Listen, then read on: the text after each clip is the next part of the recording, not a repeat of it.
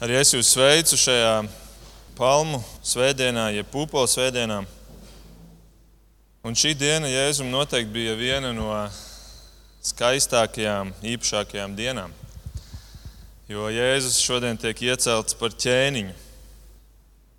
Tas ir kā tāds skaists moments uzņēmums Jēzus dzīvē, kā tāda fotografija. Un arī šajā notikumā ir dažādi pārsteigumi, kurus Jēzus sarūpē, bet tas ir tāds skaists moments uzņēmums. Un tomēr, ja mēs palūkojamies dziļāk šajā fotografijā, tad mēs pamanīsim, ka tajā ir arī kāds defekts. Un šis defekts ir arī brīdinājums mums katram šodien. Kaut arī šī ir svētku diena, tomēr ir arī kāds brīdinājums. Bet par to pēc kārtas sāksim ar pašu notikumu, un tad beigās mēs nonāksim arī pie šīs lietas. Šodienas notikums Mateja 21, kur Reinis lasīja, varētu tikt sadalīts trīs daļās, un es šīs trīs daļas atkal sadalīšu tā, lai mums ir vieglāk varbūt arī kaut ko paņemt priekš sevis. Trīs daļas, trīs mācības, kuras ir veltītas mums, kuri sakam, ka mēs sekojam šim ķēniņam, šim jēzum. Un šīs trīs mācības būs trīs P burti. Pirmā mācība ir par paklausību par paklausību. Un pirmajā pantā mēs varam izlasīt pirmos vārdus, un tur ir rakstīts, ka tie tuvojās Jeruzālēmē. Šodienas notikums ir patiesībā noslēgums Jēzus ceļojumam. Viņš trīs gadus ceļo pa Izraēlu, veic savu misiju, un tikai pāris dienas, nedēļas atpakaļ viņš iziet no Galilejas, kur viņš ir ilgi kalpojis, un viņš dodas uz austrumiem, uz austrumiem no Jardānas upes uz apgabalu, kur sauc Pēreja. Un tas ir vienīgais apgabals, kurā Jēzus vēl Izrēlā un Samārijas apkārtnē nav bijis. Viņš arī nevar iet uz rietumiem, jo tur Herods meklē viņu un grib viņu nogalināt. Un tā nu viņš dodas uz Pēreju, uz tūkstošainu un kalnainu apgabalu, un šajā Pērejā ir pilsēta Jērika. Viņš ierodās Jērikā, tur viņš sastopas caķēju, kā mēs zinām. Un tad no Jērikas viņš pagriežas uz Jeruzalemi, un dodas šodienas ceļā šajā pēdējā posmā. Un tas viss notiek laikā, kad tuvojās Paskās svētki. Lieldienas mēs nākamnedēļ svinam. Un uz Jeruzalem dodas ļoti daudz cilvēku, daudz svētu ceļnieku. Un tāpēc mēs lasām no Mateja 20, 29, ka tur ir rakstīts, ka viņi gāja prom no Jērikas, liels ļaužu pūlis viņiem sekoja. Tātad ja jums visu laiku bija iespējams doma, ka Jēzus nāk ar ezelīti un viņu sagaida pūlis, tad uh, atbildi nē, pūlis jau viņam sekoja. Patiesībā viņš no Galilejas jau nāk liela pūļa pavadībā, un cilvēki viņam iet līdzi. Un, un tā nu šis ceļš no Jērikas ved augšup stāvu kalnā uz Jeruzalemi. Tas ir tas pats ceļš, pa kuru Jēzus minētais žēlsirdīgais samarietis gāja un sastapa šo cietušo vīru. Un pats kā tāds līdzīgs žēlsirdīgam samarietim, arī Jēzus pa ceļam dziedina divus aklos. Un tad viņš iegriežas Betānijā, kurā dzīvo Jēzus draugi. Iespējams, blakus 12 mācekļiem šie bija Jēzum tuvākie cilvēki viņa dzīvē - Marija, un Marta un Lācars, kur viņš bija modinājis no mirušajiem. Un viņš iegriežas šajā, varbūt varētu teikt, miera ostā, pirms viņš dodas šodienas ceļā. Un aiz Betānijas seko mazs ciems, Betfaga. Un tuvojoties šim ciemam, Jēzus izsūta divus mācekļus un saka, otrajā pantā: Dodieties uz ciemu, kas ir jūsu priekšā. Tur jūs tūlīt atradīsiet ēzeļmātu, piesiet un ēzelīt līdz ar viņu. Atraisiet tos un vediet pie manis. Šie vārdi iespējams ir dzirdēti tik daudz reižu, ka mēs vairs par viņiem nevaram tā nopietni padomāt, nevaram uz viņiem paskatīties no malas. Bet, ja mēs to tomēr cenšamies izdarīt, vai jums nešķiet, ka šī pavēle ir ļoti pārsteidzoša? Es domāju, ka mācekļi bija pārsteigti. Iespējams, domāju, kā tas ir. Vienkārši tagad mēs iesim un ņemsim svešu mantu. Tas ir, tas ir svešs ēzelis, vai tā nav zakšana? Desmit baušļos taču minēts, ka tev nebūs zakt, un tur vēl minēts, ka tev nebūs iekārot savu tuvāko lopus. Iedomājieties, ja es jums tagad teiktu, aiziet uz rūpniecības ielu, kas ir tepat blakus, un un tur stāvēs kāda zila automašīna un vienkārši vēriet durvis vaļā un vediet man viņu šurp. Un ja saimnieks nāk, vai pareizāk sakot, skrien, un ja viņš saka, vai pareizāk sakot, kliedz, kas te notiek, tad saka viņam, manam bosam vajag. Nopietni. Bet skaistais ir tas, ka mēs mācekļos redzam paklausību.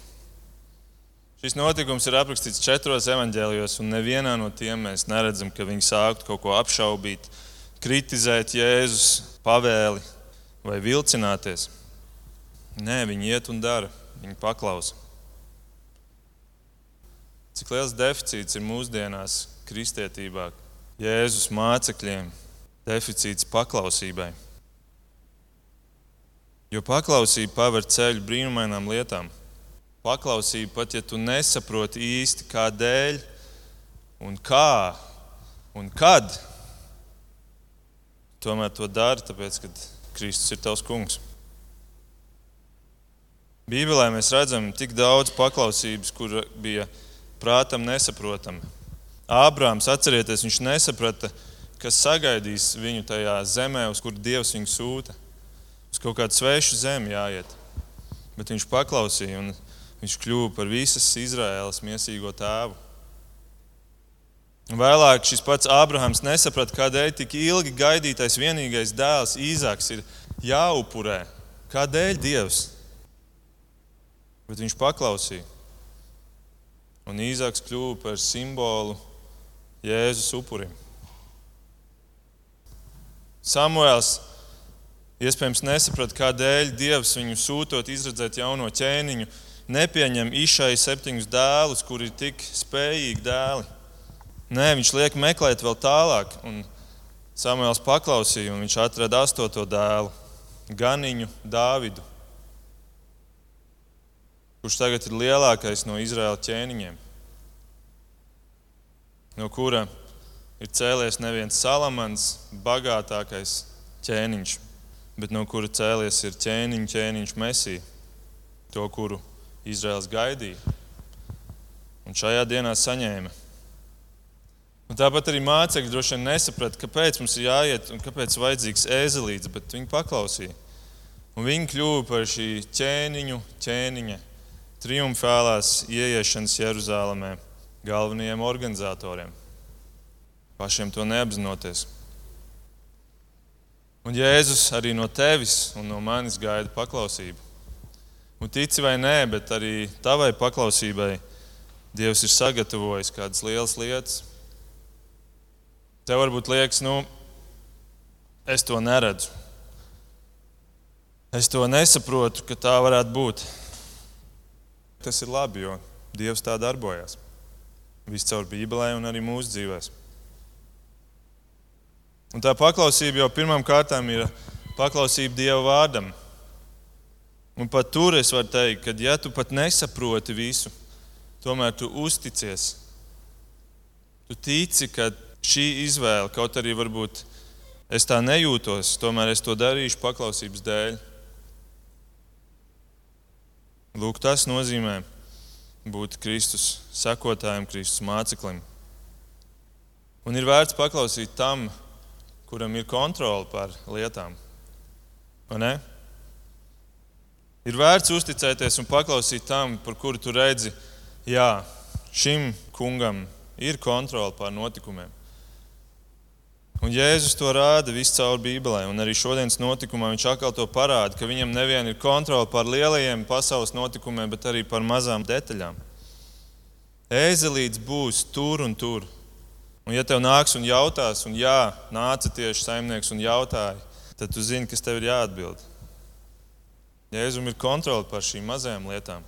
Un Jēzum ir kontrole pār laiku, jo Dievs dara visu īstajā laikā.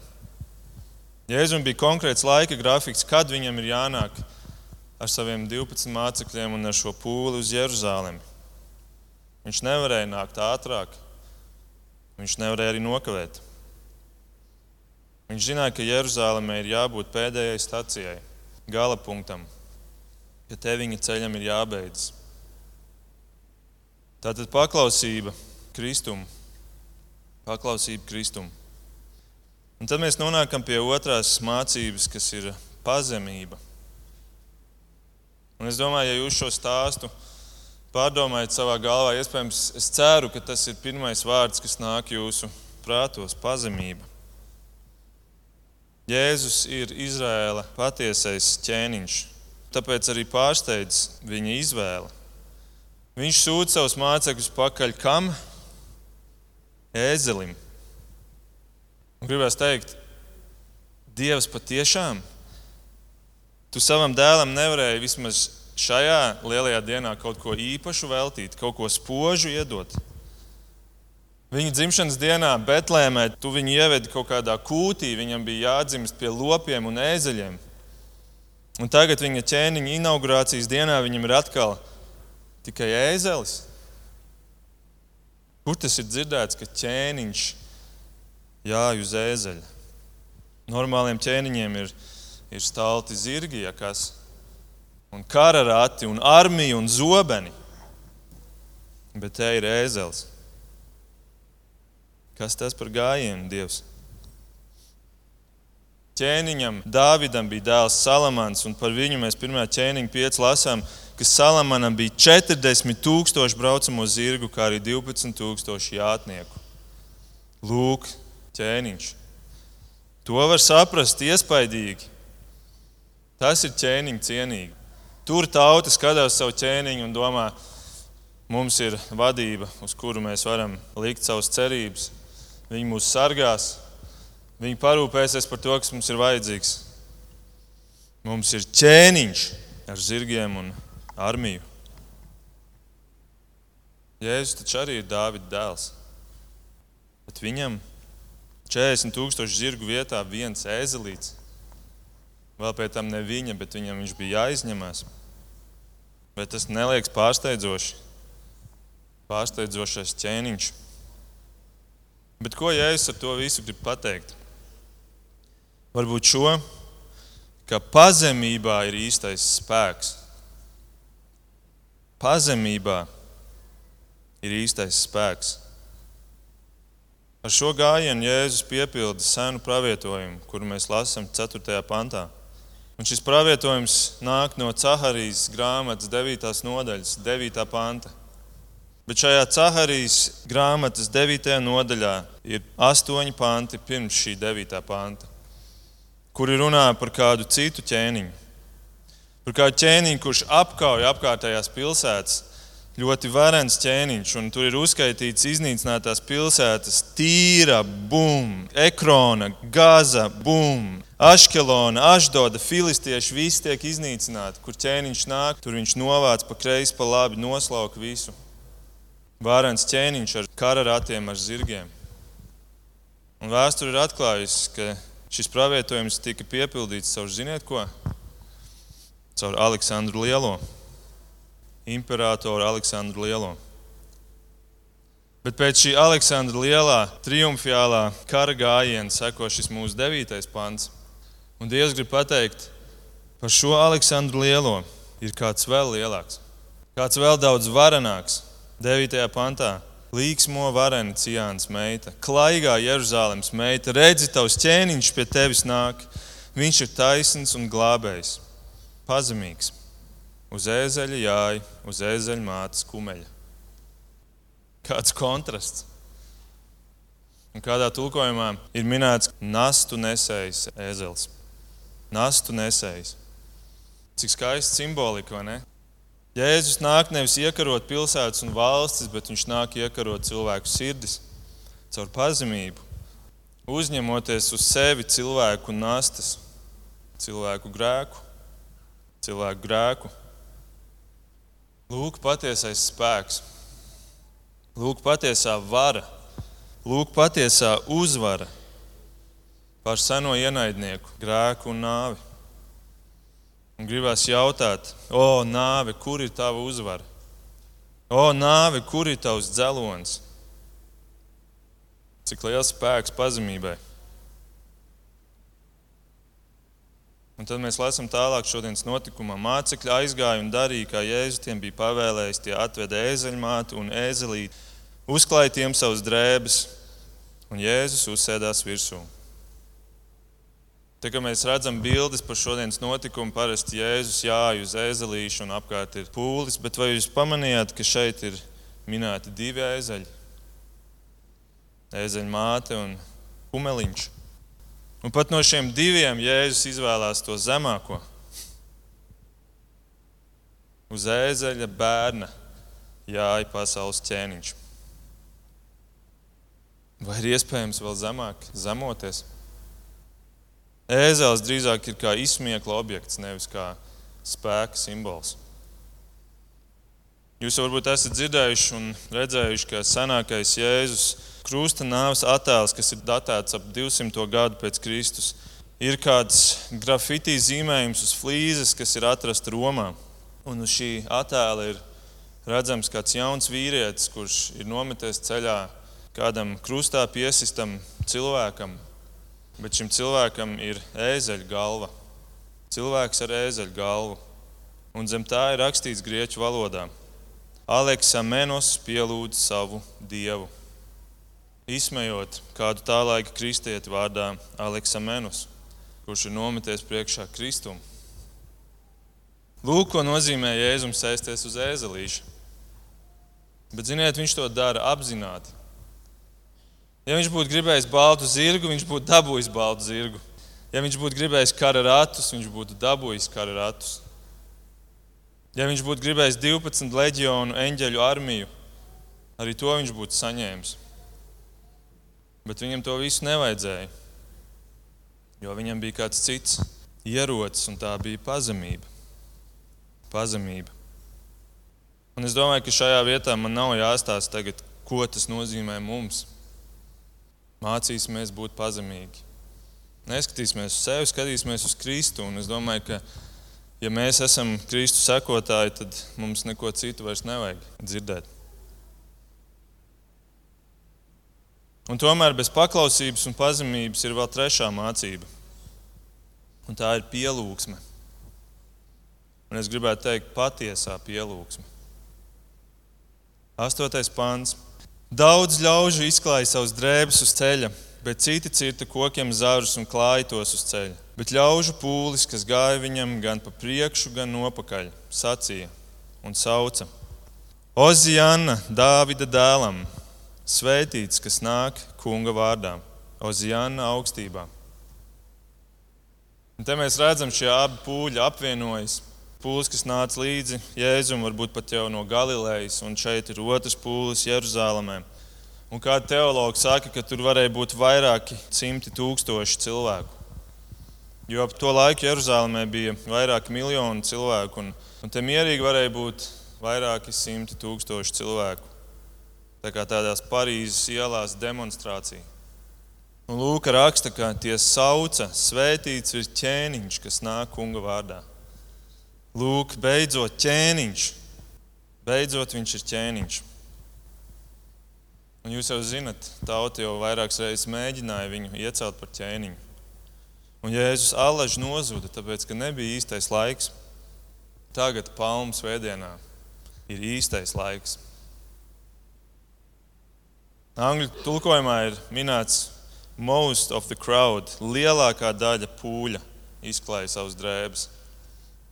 Kādēļ drēbes? Tāpēc, ka drēbes bija simbols pakļāvībai, ka es noguļos tavā priekšā, es lieku sevi zem tavām kājām, es pazeminos tavā priekšā. Un vecajā derībā mēs redzam kādu notikumu, kur ķēniņš Jehus tiek kronēts un visi met drēbes viņa priekšā. Un palmu zari, tāpēc, ka tas bija simbols uzvarai. Ar palmu zariem parasti sagaidīja ķēniņus, kur atgriezās no uzvarētajām kaujām. Un tā nu visa Kidrona ielēja, visa Kidrona ielēja, kas savieno Tempļa kalnu un Eļas kalnu, jeb Olīvu kalnu. Visa šī ielēja bija noklāta ar drēbēm un palmu zariem. Pirms kādu laiku mēs bijām Izrēlā un mēs tieši apmeklējot Jeruzalemi, apmetāmies kādā vietā Eļas kalnā un mums bija no rīta jāiet pa šo Kidronu ielēju uz templi, jeb uz templi kalnu. Un ejot cauri šai Kidronu ielai, kas ir tāds vienkārši ceļš lejā un tad atkal ceļš augšā, šodien bija vēl tumšs no rīta. Un, Un tā iela bija kā izmirusi, un tā ir musulmaņu puse. Un, ziniet, tā iela bija noklāta ar atkritumiem. Diezgan drūms paskats. Un mēs atpakaļ braucām ar taksi, tāpēc ka mēs negribējām iet vēlreiz cauri šai ielai. Bet palmu svētdienā šī ielai bija noklāta ar drēbēm un palmu zariem. Raips paklājs, tik raips, cik paši cilvēki. Katrs ar savu dzīvi, un ar savu pagātni, un ar savu pieredzi un piedzīvoto. Cik skaists skats. Un kādu dienu tā būs, kad visi cilvēki zemosies Dievu priekšā. Bet arī šodien kādi to jau dara. Un, un šodien ir laba diena, lai sāktu sekot šim kristumam. Es tā domāju, kad gatavoju šo svētdienu, domāju, varbūt šajā brīdī man vajadzētu palūgt jums novelciet savus virsdrēbes un noklājiet uz zemes kā simbolu Kristus sekošanai un pakļaušanās viņam. Bet tas nebūtu skaisti. Bet tad es domāju, Kristus to nemaz negrib. Viņš grib, ka jūs savus sirdis un savus dzīves klājat. Un Marks savā aprakstā saka, ka viņi kliedza. Ozijana, lai svētīts, kas nāk tā kunga vārdā, lai slavēta mūsu tēva Dāvida valstība, kas tuvojas. Lūk, te arī atskan Dāvida vārds. Šis mesija, ko Izraels tik ļoti gaidīja un vēl joprojām gaida. Lūk, te tauta beidzot to atzīst. Šis ir Dāvida dēls. Un, ziniet, tas ir galvenais iemesls, kādēļ Jēzus organizē visu šo ceremoniju. Tādēļ, lai visi atzītu, un tas kļūst par simbolu mums katram, ka nevienam no mums nebūs attaisnojuma, kā es nezināju par Dievu. Dievs to atklāja katram cilvēkam vienā vai otrā veidā, laikā vai daudzumā. Un kam daudz dots, no tā arī daudz atprasīs.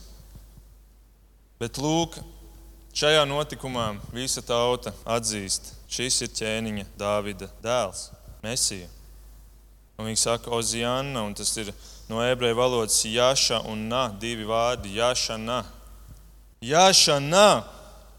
Jāša nozīmē glāb un Nā, lūdzam. Glāb, mēs lūdzam, glāb. Mēs lūdzam, glāb mūs. Un viņi citē 118. psalmu, kur ir teikts, ak, kungs, glāb jau mūsu Oziāna. Ak, kungs, liec, lai mums izdodas svētīts, kas nāk kunga vārdā. Svētīts, kas nāk kunga vārdā, un Jēzus tik tiešām bija cienīgs saņemt šo slavu saucienu, jo viņš nenāca pats savā vārdā, bet viņš nāca pildīt tēva gribu. Viņš nāca sava tēva vārdā, kunga vārdā. Jāņa 5. Viņš saka, es esmu nācis sava tēva vārdā, bet jūs mani nepieņemat. Ja kāds cits nāks savā vārdā, to jūs pieņemsiet.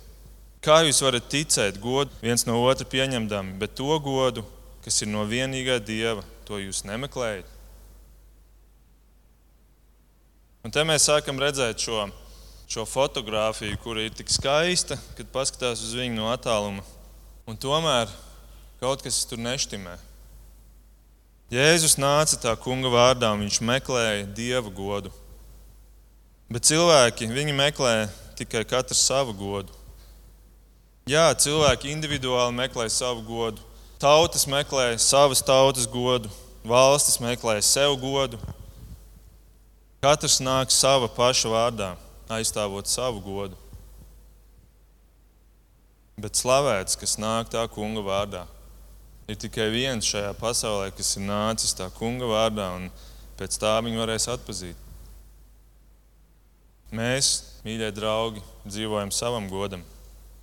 Un kristiešiem to ir grūti atzīt. Ar vārdiem jau jā, mēs apgalvojam, jā, jā, jā, es ticu Jēzum, es sekoju viņam. Protams, protams. Bet tad tu sāc šķirot šiem Jēzus vārdiem, es klausīšu, bet šiem varbūt kaut kad nākotnē sākšu. Un šie tos es nevaru pieņemt. Tā nu mēs kļūstam par tādiem nepilnu laika Jēzus sekotājiem, kur pārējo nepilno laiku mēs sekojam sev un meklējam sev godu. Un ziniet, tā tauta, kura šodien kliedz, glāb mūs, glāb mūs, kāpēc viņi to kliedz? Atcerieties, pirmkārt, tuvojās Paskā svētki, kas ir atgādinājums Izrēlam par to, kā Dievs izveda viņus no Ēģiptes jūga. Tātad visi šie svētki Jeruzalemē ir par šo atbrīvošanu. Dievs izglāba mūs. Un vienlaikus, jo lielāki svētki, jo vairāk tos apsargā Romas armija, okupanti. Un līdz ar to šie saucieni glāb mūs, glāb mūs. Šie saucieni ir tik ļoti vērsti uz šo āršķirīgo, laicīgo labumu, ko viņi meklēja. Kādēļ tas pūlis vispār tur bija atnācis? Kas viņus tur aizvilka? Tad mēs redzam, Lūka un Jānis to atbild. Lūka saka, un viņi sāka slavēt Dievu par visiem brīnumiem, par visiem brīnumiem. Jā, brīnumi. Par visiem brīnumiem, ko viņi bija redzējuši. Tāpēc viņi tur bija, tāpēc viņi slavēja šo Jēzu. Un ir pareizi slavēt Dievu par viņu darbiem, bez šaubām. Tomēr viņa darbi nedrīkst kļūt par galveno iemeslu, kādēļ man ir vajadzīgs Dievs. Un te lūk, atklājās beigās, ko tu beigās pielūdz? To, kurš ir nācis tā kunga vārdā, pildīt tā kunga gribu, vai tomēr sevi lai Kristus piepilda to, ko tu vēlies. Un, un tādējādi tu patiesībā nepielūdz viņu, bet pielūdz viņa darbus, kur kalpo tev, un tu kļūsti par tādu pašu cilvēku kā vispārējie, kur meklē savu godu. Jānis arī atbild uz šo jautājumu. Viņš savā evanģēlijā paskaidro, ļaudis, kas bija bijuši kopā ar viņu toreiz, kad viņš Lācaru izsauca ārā no kapa un uzmodināja viņu no mirušajiem liecināja par šiem notikumiem. Un tādēļ, tādēļ arī ļaužu pūlis iznāca viņam pretī, jo tie bija dzirdējuši, ka viņš šo zīmi bija darījis. Lūk, pūlis ir klāts, jo te nāk miroņu augšām cēlējs. Un pūlis ir burtiski eiforijā. Atcerieties, ka tuvojās pasaules svētki un kad ir visa šī tēma par okupāciju un par atbrīvošanu. Un te nāk šis ķēniņš, šis brīnumdars, kurš spēja nevien dziedināt slimos, nevien radīt bezmaksas ēdienu, kā mēs mācījāmies 5000 paēdināšanā. Nevien apklusināt dabas stihijas, bet viņš spēja pamodināt mirušos. Vai šis nav ideālais ķēniņš Izrēlam? Ja Izrēlam būtu šāds ķēniņš, ko Roma vispār varētu izdarīt? Jēzus taču ir vislabākais armijas ģenerālis. Iet ar viņu, jebkurā militārajā kaujā, nozīmē, ka viņš pēc tam apstaigā cietušos un uzreiz dziedina brūces, un tad armijai sagādā ēdienreizes, cik vien vajag. Un, ja vajag, tad viņš uzsūta ienaidniekam krustas vētru un zibeni, uzšauj vienu, uzšauj otru. Un dienas beigās viņš vēl apstaigā un pamodina visus mirušos, kritušos kareivus. Nemirstīga armija. Katra ienaidnieka lielākais murgs. Oziāna glāb mūsu. Oziāna glāb mūs, bet Jēzus negrib būt šāds ķēniņš. Visas iepriekšējās reizes viņš aizmuka, kad pūlis cēlās viņu iecelt. Bet šodien viņš vairs nemuks, jo ir laiks uzvarai. Un tā nav militāra uzvara. Tā nav no šīs pasaules. Neviens militārs, un politisks, un sociāls un ekonomisks risinājums nav paliekošs, vienalga cik viņi ir labi. Tā ir tikai tāda simptomu bremzēšana, nevis cēloņa apkarošana. Un varbūt mēs šeit nesēžam armijas ģenerāļi, bet tik un tā tas jautājums ir, kam tu ieguldi savu laiku, ar ko tu cīnies, kādu pēdiņās armiju tu vadi. Vai tikai to, kur cīnās laicīgās cīņas, kur apkaro simptomus, bet tomēr tu ieguldi savu laiku tajā mūžīgajā kas paliks arī tad, kad nāve būs iestājusies. Un es domāju, šodien ir tik daudz kristiešu pasaulē, kuri redz Jēzu kā šo armijas ģenerāli, kurš nāks viņu dzīvēs un apkaros visas problēmas un dos visu to laicīgo, ko viņi meklē.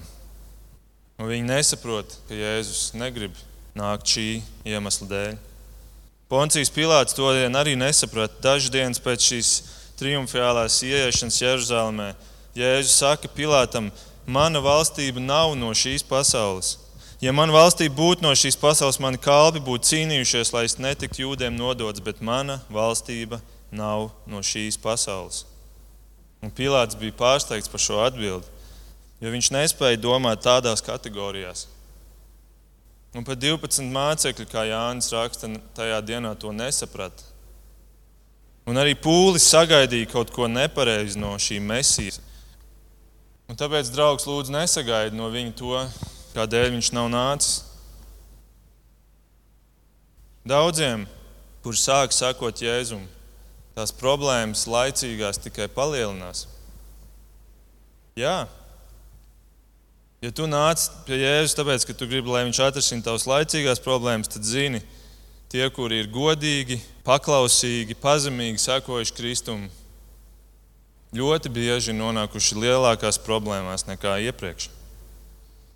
Vajāšanās, izslēgšanās, pat nāvēm, neminot tos simtiem tūkstošiem mazākus efektus. Jā, Dievs dod arī laicīgās problēmas atrisinājumus pēc savas gribas, bet Jēzus nav atnācis šī iemesla dēļ. Viņš ir atnācis tev nest mūžīgās problēmas atrisinājumu. Un līdz tam nāk svētums, bez kura nav iespējams tuvoties Dievam, grēka soda samaksa. Līdz tam nāk miers, kuru pasaule tev nevar dot, un prieks un pateicība, kur sāk plūst pāri un plūst tālāk uz citu dzīvēm. Un līdz tam nāk maize, kuru tu ēd, un tā tev pabaro mūžam. Un tā tālāk, un tā tālāk. Un viņš nāk, nes to, kam ir mūžības vērtība. Un tādēļ te nav ne zirgu, ne zobenu, te nav armijas, jo visi šie, lai cik viņi ir vareni, nespēja cīnīties ar cēloni ar cilvēka grēka stāvokli.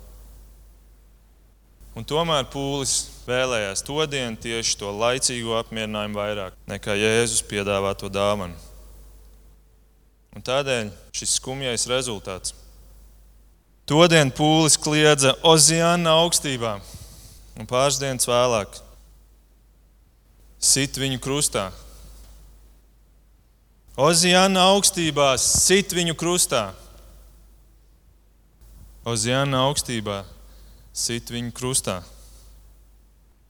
Pietika ar šīm dažām dienām, lai viņi saprastu, ka viņš nav tas, ko viņi gaidīja, ka viņš nav militārais mesija, ka viņš nav tas, kurš atnesīs cilvēkiem kārotos, laicīgos labumus.